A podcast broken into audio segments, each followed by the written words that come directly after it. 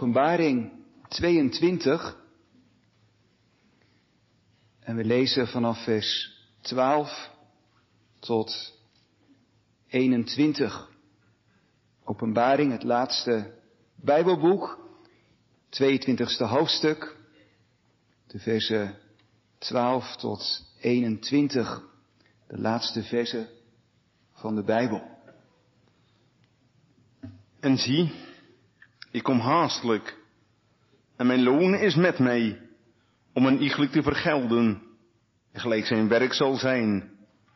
Ik ben de Alpha en de Omega, het begin en het einde, de eerste en de laatste.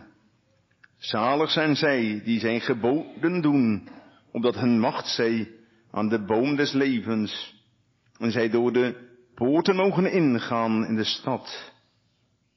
Maar buiten zullen zijn de honden, de tovenaars, de hoereerders, de doodslagers, de afgodendienaars en een iegelijk die de leugen lief heeft en doet. Ik, Jezus, heb mijn engel gezonden om u lieden deze dingen te getuigen in de gemeente. Ik ben de wortel en het geslacht Davids, de blinkende morgenster. En de geest en de bruid zeggen, kom. En die het hoort, zeggen, kom. En die dorst heeft, komen. En die wil, neem het water des levens om niet. Want ik betuig een iegelijk die de woorden der profetie deze boeks hoort. Indien iemand tot deze dingen toedoet, God zal over hem toedoen de plagen die in het boek geschreven zijn. En indien iemand, indien iemand afdoet van de woorden des boeks deze profetie, God zal zijn deel afdoen uit het boek des levens en uit de heilige stad en uit hetgeen in dit boek geschreven is. Die, die deze dingen getuigt, zegt ja, ik kom haastelijk. Amen. Ja, kom, Heer Jezus. De genade van onze Heer Jezus Christus, zij met u allen. Amen.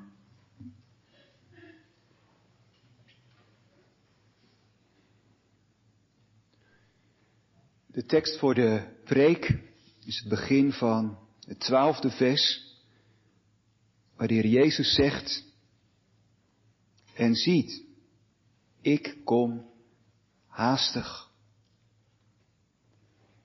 Jongens en meisjes, jullie hebben het vast wel eens gedacht. Wanneer is die coronatijd nu eindelijk eens voorbij? Nou, gelukkig voelt het nu heel anders dan een jaar geleden. En zeker dan begin dit jaar. En toch, de coronatijd is nog niet voorbij. We hebben er nog steeds mee te maken. En we weten niet hoe lang het gaat duren. En wat er misschien nog meer gaat gebeuren. En toch ook als die coronatijd voorbij is en we van dat virus af zouden zijn, dan zijn er nog genoeg andere verdrietige en moeilijke dingen. We hebben eigenlijk veel meer nodig. Niet alleen dat de coronatijd voorbij is, eigenlijk hebben we een hele nieuwe wereld nodig. Een wereld zonder verdriet. Een wereld zonder pijn. Een wereld zonder gebrokenheid. Een wereld zonder ziekte. Een wereld zonder dood. En nog mooier en nog belangrijker. Een wereld zonder kwaad. Een wereld zonder zonde. Een wereld zonder ongehoorzaamheid. Een nieuwe wereld. Dat hebben we nodig. En die nieuwe wereld, die komt er ook. Juist het Bijbelboek Openbaring, waaruit we vanmiddag een gedeelte hebben gelezen, herinnert daaraan. Er komt een nieuwe wereld. De Heere God, Hij zorgt daarvoor. Openbaring is een plaatjesboek. Niet letterlijk. Er staan geen plaatjes in. Soms denk je, het zou wel mooi geweest zijn als er plaatjes bij stonden. Dan zou ik het wat beter begrijpen. Maar het gaat wel over plaatjes. Over visioenen. Dingen die de Heere God ons laat zien. En die Johannes aan ons doorgeeft. En voor ons opgeschreven heeft. En zo moet je ook met dit Bijbelboek omgaan. Zo moet je dit Bijbelboek ook lezen. Heel anders dan een brief van Paulus of dan een geschiedenis uit het Oude Testament. Je moet die plaatjes voor je zien en op je in laten werken. En niet te snel zeggen, hoe zit dat nu precies en hoe moet ik al die dingen die ik hier lees met elkaar verbinden? Nee, laat het eerst maar eens naar je toe komen. En raak ervan onder de indruk. Zoals je dat ook zou doen met een mooi schilderij. Openbaring is een plaatjesboek. Een plaatjesboek over de eindtijd. Nou, veel christenen denken bij de eindtijd aan dat laatste stukje van de wereldgeschiedenis. Dat laatste stukje vlak voordat de Heer Jezus terugkomt. En je kunt het ook in onze tijd wel horen. Misschien zeggen we het zelf ook wel eens. Zitten we niet al in de eindtijd? Of dit is toch wel de eindtijd waarin we nu terechtgekomen zijn? Nou, bijbels gezien zitten we al 2000 jaar in de eindtijd. Want de eindtijd, of zoals het in de Bijbel vaak genoemd wordt, het laatste van de dagen, is begonnen toen de Heere God beslissend heeft ingegrepen door zijn zoon, de Heer Jezus. Toen heeft God een nieuw begin gemaakt. Voor eens en voor altijd. Toen heeft Hij de deur van de zaligheid opengezet. Toen heeft Hij zijn beloften vervuld. Toen is de eindtijd begonnen. Of zoals de Heer Jezus het zegt, als Hij begint te preken, het koninkrijk van God, Gods nieuwe wereld, Gods antwoord op onze zonde en onze gebrokenheid, het is dichtbij gekomen. En dat bedoelt de Heer Jezus niet nog een stukje dichterbij, maar nog niet helemaal. Nee, dan bedoelt hij, Gods nieuwe wereld is in mij bereikbaar en beschikbaar. Je kunt erin delen. In de weg van geloof en bekering. Het is alsof de Heere God door zijn Zoon, de Heer Jezus, zijn hand naar ons uitsteekt. Vol met gaven die we nodig hebben. En alsof hij zegt, pak het maar aan. Hier heb je het. Alles wat je nodig hebt. Voor dit leven en voor het eeuwige leven.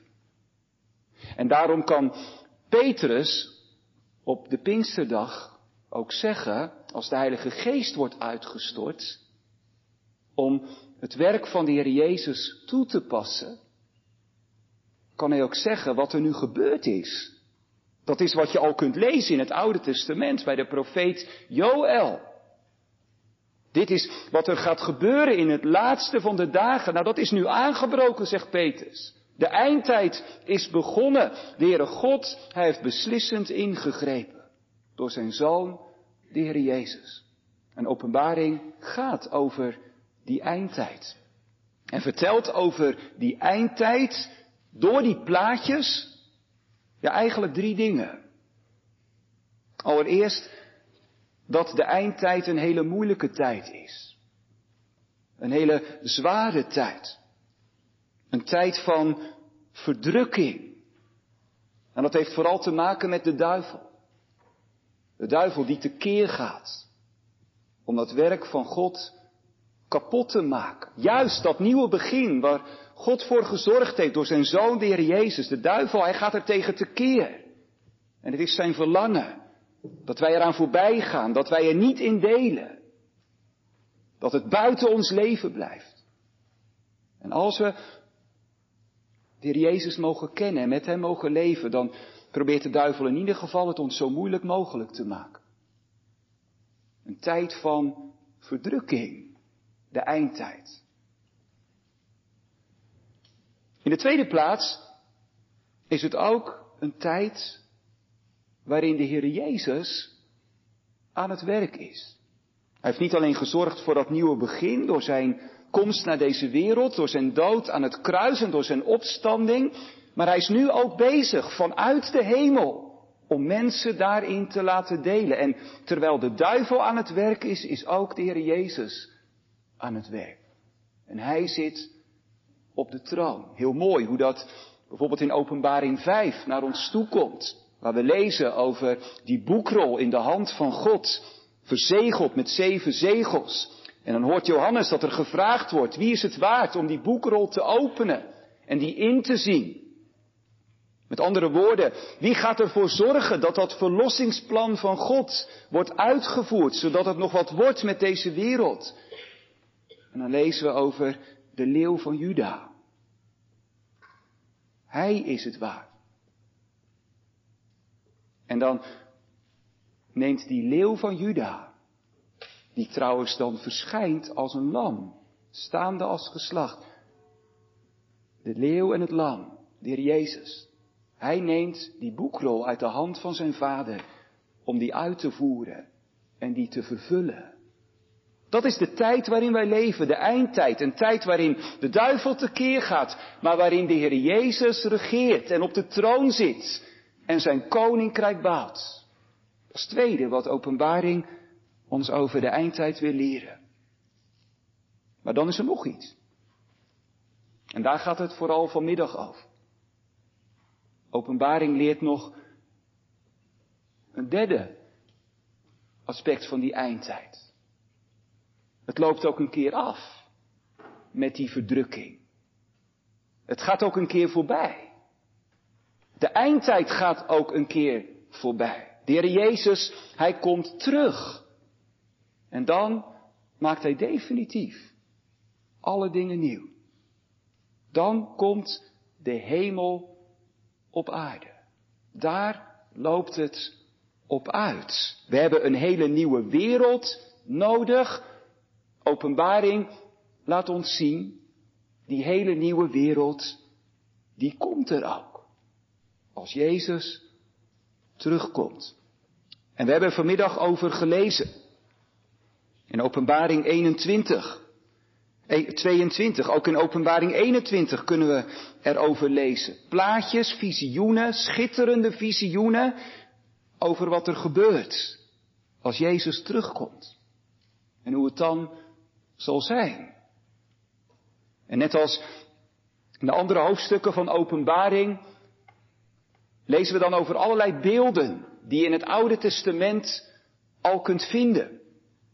In hoofdstuk 21 en 22 vooral beelden uit Genesis 1 en 2. Uit het begin van de Bijbel. Ze komen hier terug. Met een hele duidelijke boodschap. Zoals God het toen gemaakt had, zo wordt het weer. Maar dan nog mooier. Ook beelden uit Jesaja en Ezekiel.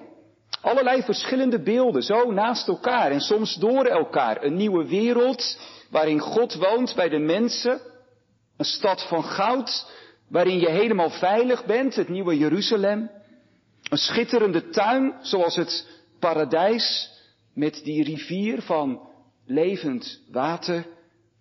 En in het gedeelte wat wij vanmiddag gelezen hebben, openbaring 22, het beeld van een bruiloftsfeest. Daar gaat het naartoe. Daar gaat het met de wereld naartoe. Daar gaat het met ons leven naartoe. Dat de Heere God zijn werk afmaakt. En dat Jezus terugkomt. En ik zeg maar heel eenvoudig, geloven betekent dat je in dat besef leeft. Dat deze laatste hoofdstukken van openbaring waar zijn. en werkelijkheid worden. Dat je zegt, ja, ik leef in deze wereld en daarin heb ik mijn taak, mijn opdracht, door God gegeven om nu voor Hem te leven samen met andere christenen. Maar deze wereld, die nu mijn thuis is, die gaat wel een keer voorbij. Als Jezus terugkomt. En dan komt Gods nieuwe wereld. Geloven, dat is een leven gericht op de toekomst. Vooruit kijken. Niet alleen vooruit kijken, ook terugkijken. Denken aan wat God gedaan heeft, die grote daden door zijn zoon, de Heer Jezus. Omhoog kijken, dat ook. Denken aan de Heer Jezus die nu zit aan Gods rechterhand en, en daar aan het werk is. Maar ook vooruitkijken. Wat gaat er nog gebeuren? Nu vindt de duivel dat op zich prima. Als we vooruitkijken. Want dat kun je ook op een heel verkeerde manier doen.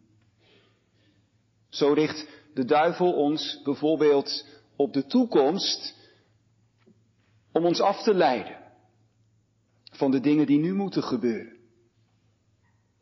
Dan weet je, het zit niet goed tussen God en mij. En ik moet Hem zoeken. En dan zegt de duivel, ja maar dat kan later ook nog. Of dan weet je, ik moet het goed maken met mijn broer, dat kan zo niet door blijven gaan. En dan zegt de duivel, ja maar dat heeft zo zijn tijd nodig.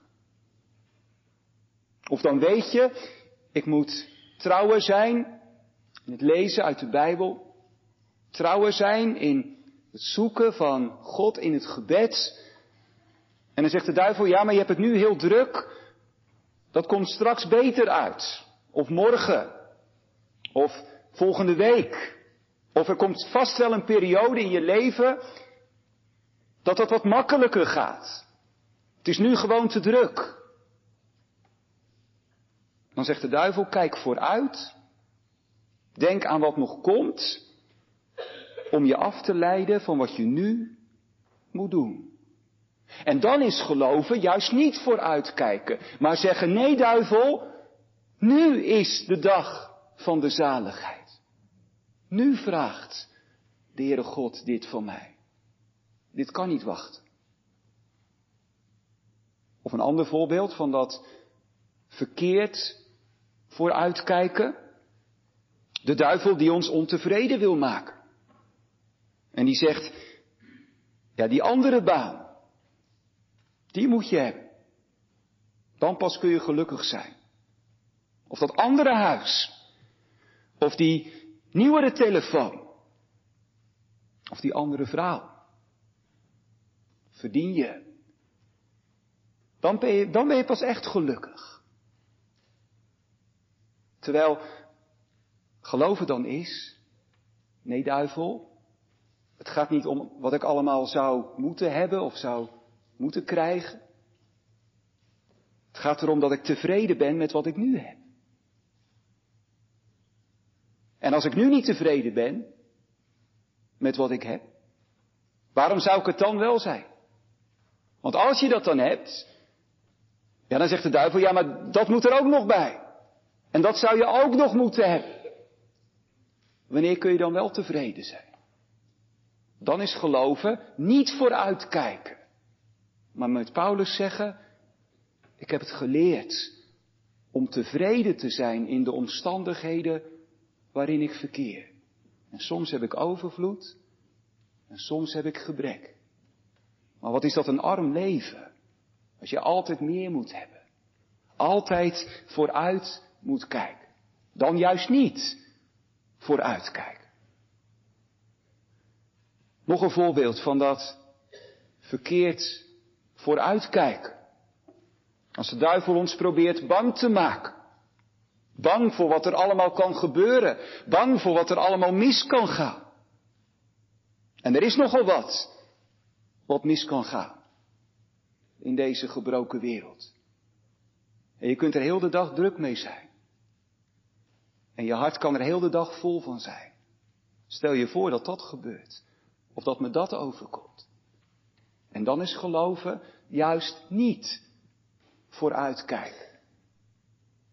Maar zeggen, Heere God, ik leg deze dag in uw handen. En ik vertrouw erop dat u over mij waakt en dat u voor mij zorgt. En hoe het morgen zal zijn en hoe het overmorgen zal zijn en volgende week en volgend jaar. Uw zoon, de Heer Jezus, heeft het zelf gezegd. Uw vader weet wat u nodig hebt. En dan hoef je niet vooruit te kijken.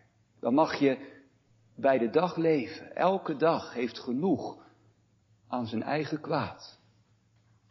Vooruitkijken is dus niet per definitie goed. Soms juist niet. Soms juist bij de dag leven.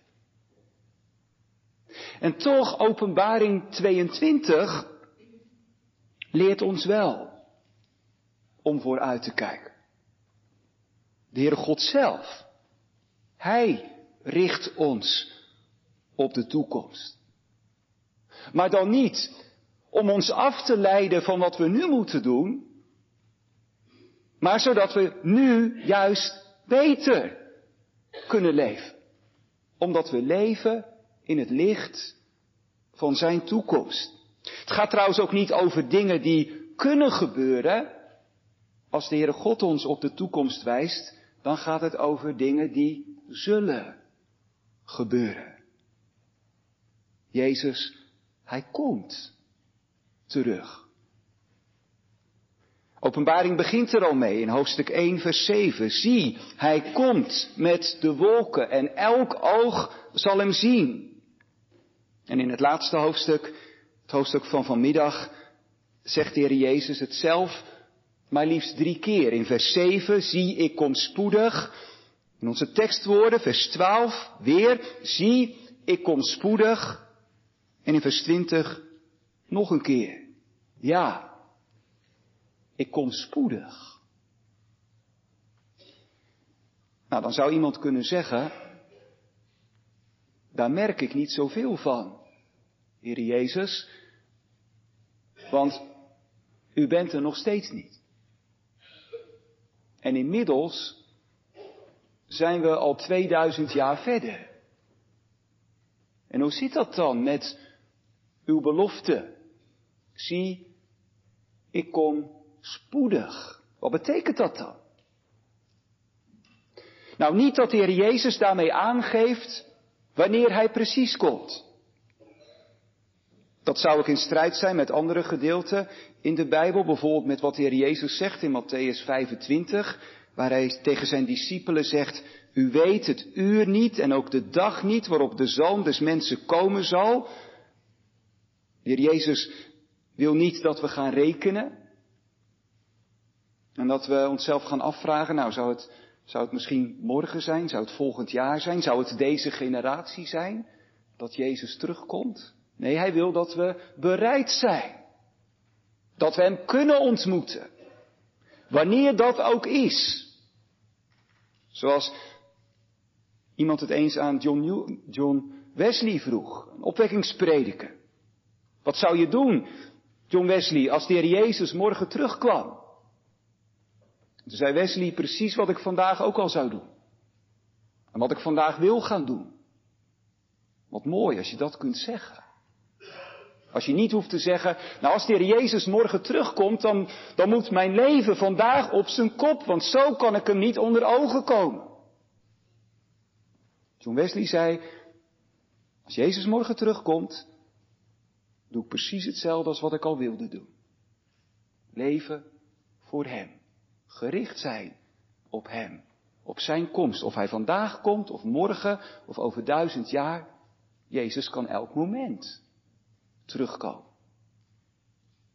Misschien vanavond wel. Houden wij rekening mee? Of denken we, het heeft nu al zo lang geduurd, het zal nog wel duizend jaar duren. Dat kan. We weten het niet. Maar hij kan elk moment terugkomen.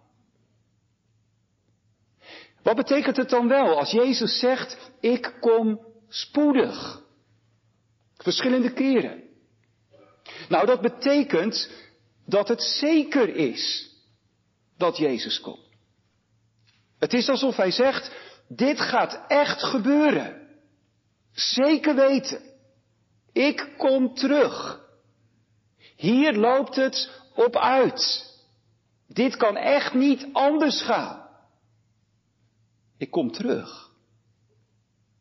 En geloven wil zeggen dat je jezelf daaraan herinnert. Steeds weer. Bijvoorbeeld bij de keuzes die je maakt. En wat maken we veel keuzes? Elke dag weer. Grote keuzes, heel veel kleine keuzes. Meestal zonder dat we erover nadenken. We doen het gewoon. Of we voelen dat we het zo moeten doen. Nou, misschien leert Openbaring 22 ons dat we dat dus niet moeten doen, zomaar doen. Maar dat we veel meer over onze keuzes moeten nadenken, veel bewuster in het leven moeten staan en onszelf veel meer moeten afvragen bij wat we gaan doen. Wat zal de Heer Jezus straks tegen mij zeggen? Over die keuze die ik nu ga maken. Want ik zal straks voor hem staan. En hij zal aan mij vragen. Wat heb je met je leven gedaan? Als je dat bedenkt, en als je dat tot je door laat dringen, dan kies je niet zomaar voor de makkelijke weg. Of voor die middenweg, waar het in het Bijbelboek Openbaring vaak over gaat, als een van de grote verleidingen van de duivel. Die middenweg, een beetje gehoorzaam, een beetje ongehoorzaam, een beetje voor de Heere God, een beetje zijn weg gaan en toch ook gewoon een beetje je eigen zin doen. Compromis zoeken. Alsof die middenweg er is. Tussen Gods weg en de weg van de zonde in. Nou, die weg is er dus niet. En er staat nogal wat op het spel. We hebben het gelezen in vers 14. Zalig zijn zij die zijn geboden doen, zodat ze recht mogen hebben op de boom des levens en opdat zij door de poorten van de stad mogen binnengaan. Er zijn mensen die mogen binnengaan, die mogen delen in dat heil, die mogen wonen op die nieuwe wereld als Jezus terugkomt. Maar er zijn ook mensen die niet naar binnen mogen gaan en die buiten moeten blijven. We lezen het in Openbaring 21. Als Johannes eerst verteld heeft over de nieuwe hemel en de nieuwe aarde en God die woont bij de mensen, dan lezen we in het achtste vers, maar de vreesachtigen, de ongelovigen, de gruwelijken, de doodslagers en hoereerders en tovenaars en afgodendienaars, en al de leugenaars is het deel in de poel die daar brandt van vuur en zilver. De tweede dood. Een nieuwe hemel en een nieuwe aarde, maar ook een tweede dood. En in openbaring 22 zien we dan hetzelfde. Aan de ene kant mensen die binnen mogen gaan in dat nieuwe Jeruzalem, Mensen die mogen wonen op die nieuwe aarde, maar ook in vers 15, maar buiten zullen zijn de honden. Een aanduiding voor ongelovigen. De tovenaars en de hoereerders en de doodslagers en de afgodendienaars. En ieder die de leugen lief heeft en doet. Wat een verschil. Wat een scheiding. Leven of dood. Hemel of hel. Als je dat leest in vers 15, dan zeg je toch, Heere Jezus, houdt u me vast, houdt u me heel dicht bij u en werkt u zo door uw heilige geest in mijn hart en in mijn leven, dat ik uw weg mag gaan En dat ik daarin trouw mag zijn en radicaal mag zijn en trouw mag blijven tot het einde toe, want daar wil ik toch niet terechtkomen. En dat hoeft toch ook niet, als u over mij waakt en als u voor mij zorgt. En als u mij helpt. Denken aan Jezus wederkomst. Om nu betere, meer op God gerichte keuzes te maken. Om straks niet buiten te staan.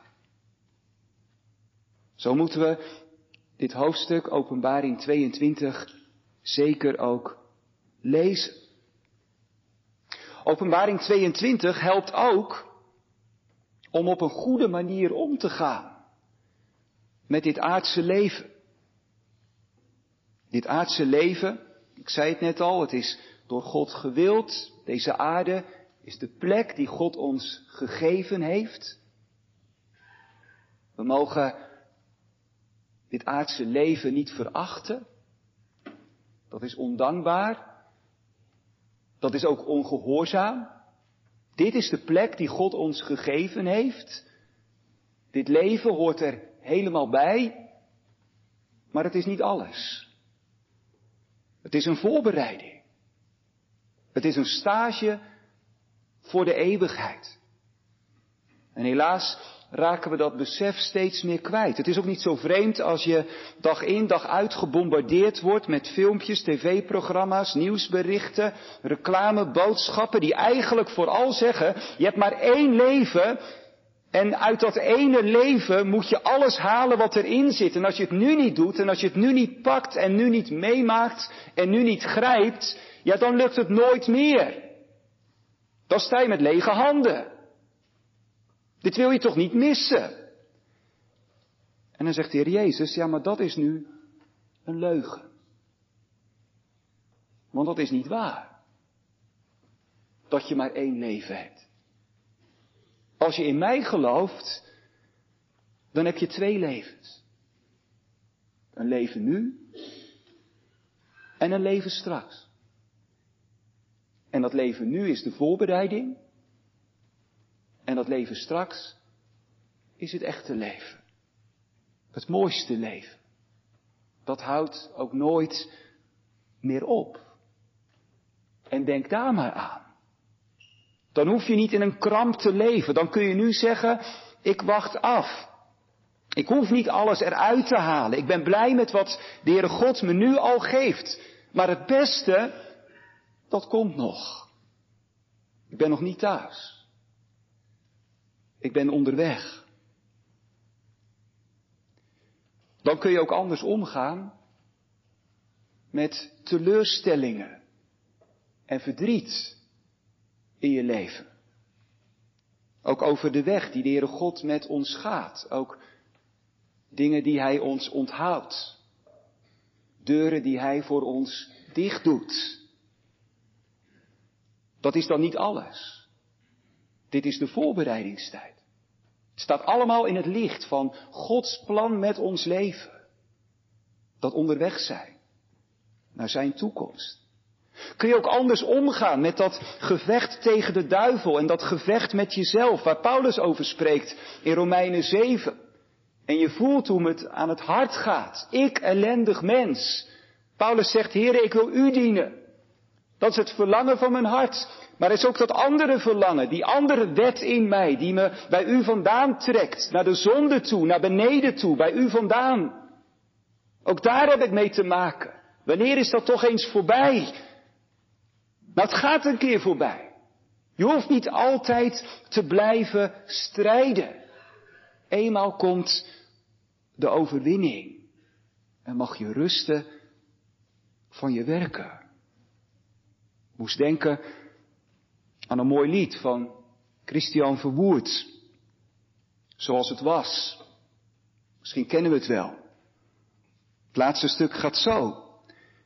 Vandaag de dag ellende om ons heen. Zoveel mensen zijn hun levensdoel verloren. Dood en verderf slaan verwoestend om zich heen. De hele schepping zucht als nooit tevoren. O maar God is trouw aan wat hij heeft beloofd. Want hij zal alles weer in ere gaan herstellen. Wat een geluk als je deelt in dat geloof. Als je weet dat God het laatste woord zal hebben. Want het zal worden zoals het was. Ja, wereldwijde vrede en een altijd open hemel. Het zal worden zoals het was. De mens zal niet meer strijden en de wereld niet meer lijden. Heel de schepping zal bevrijd zijn van de zondelast. Het zal worden zoals het was. Of eigenlijk nog mooier dan zoals het was. En wat zegt dat veel over de Heer God en over Zijn liefde en over Zijn genade? Dat de Bijbel zo eindigt met Openbaring 22. Dat Hij ons dat wil geven. En dat hij daar zelfs zijn eigen zoon, de Heer Jezus, voor heeft overgehad. Wij verdienen de dood. En wat zegt de Heere God? Ik wil je het leven geven. Het eeuwige leven. Een leven dat zo mooi is dat elk beeld tekort schiet. Ook die plaatjes van openbaring. Ze vertellen er maar iets van. Een nieuwe wereld, een veilige stad, een schitterende tuin, een bruiloftsfeest, maar dan nog rijker. En nog dieper. En nog mooier. We kunnen het beste maar denken aan de Heer Jezus zelf. De leeuw van Juda. Die tegelijkertijd het lam is dat staat als geslacht. Aan de ene kant onvoorstelbaar groot, machtig, hij die alle macht heeft in hemel en op aarde. En aan de andere kant, hij heeft zich zo diep vernederd. Dat hij zich eruit liet gooien. Buiten de stad. Om als een vervloekte te sterven aan een kruis. Uit liefde. Wat een zalig maken. Zo groot. En zo klein. Zo sterk en zo zwak tegelijk. Dat is de hemel. Waar Hij is. En waar alles vol is van Hem. En waar wij Hem mogen zien. Met eigen ogen. Dat is de hemel. Dicht bij Hem zijn. Dat is pas echt leven. Ik wil eindigen met een voorbeeld wat ik ergens las. Jongens en meisjes, stel je voor, je gaat op vakantie naar Oostenrijk, naar Zwitserland of naar Italië. Een heel mooi land, echt iets om naar uit te zien. Maar het is een hele reis. En daarom maken jullie onderweg een tussenstop in een hotel. Op zich ook mooi, maar lang niet zo mooi als die plek waar je naartoe wil. En toch, als je dan in dat hotel bent, je vindt het er best aardig. En je denkt, ik blijf er nog even. En je vergeet waar je naartoe zou gaan. Je vergeet dat mooie land. Vakantie. Dat zou vreemd zijn. En toch, bij veel mensen gaat het helaas wel zo. En misschien ook wel bij u of bij jou. Dat we veel te snel tevreden zijn. De Heere God, Hij heeft die schitterende, geweldige toekomst met ons voor ogen. Een toekomst vol van hoop. Een toekomst met zijn Zoon, de Heer Jezus, altijd dicht bij Hem. Voor altijd drinken uit de fonteinen van het heil. Die toekomst waar we over lezen in Openbaring 21 en 22. En zeggen wij dan, ik heb genoeg aan wat u nu geeft. Dit leven. hier op aarde? Die aardse zegeningen van nu, dat onderweg zijn? Is dat genoeg? Nee toch? Wat ben je dan dwaas?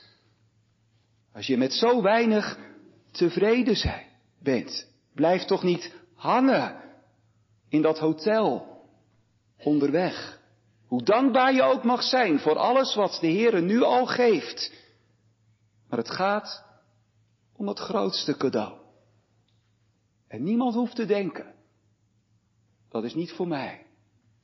We lazen het in vers 17. Laat hij die dorst heeft komen.